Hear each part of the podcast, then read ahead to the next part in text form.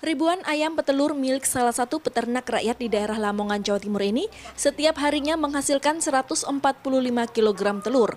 Setiap sore, telur-telur akan dikumpulkan untuk diambil tengkulak satu minggu sekali. Tengkulak akan mendapatkan harga kandang yang fluktuatif di setiap harinya, bergantung harga acuan dari harga telur di Blitar. Para peternak ini memiliki satu grup percakapan untuk saling mencocokkan harga. Rata-rata harga jual dari kandangnya berkisar Rp26.000 hingga Rp27.800 per kilogram.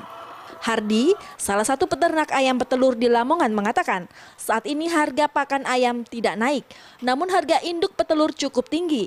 Jika dulu harga indukan umur 13 minggu di harga Rp60.000, kini menjadi Rp93.000.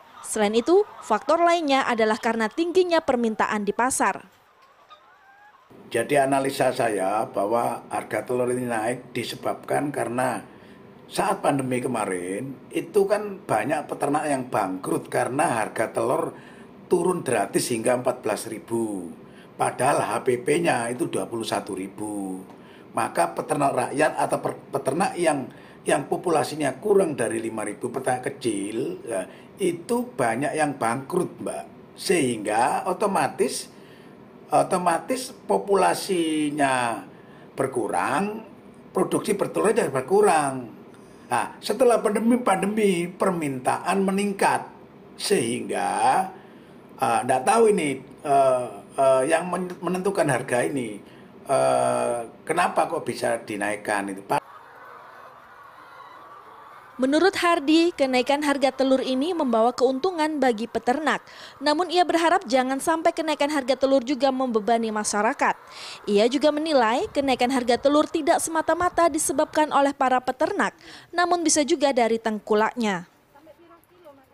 Kalau apa namanya uh, harga pakan nggak naik, terus uh, dinaikkan, jujur saja saya sebagai peternak ini juga mendapatkan untung yang lebih gitu.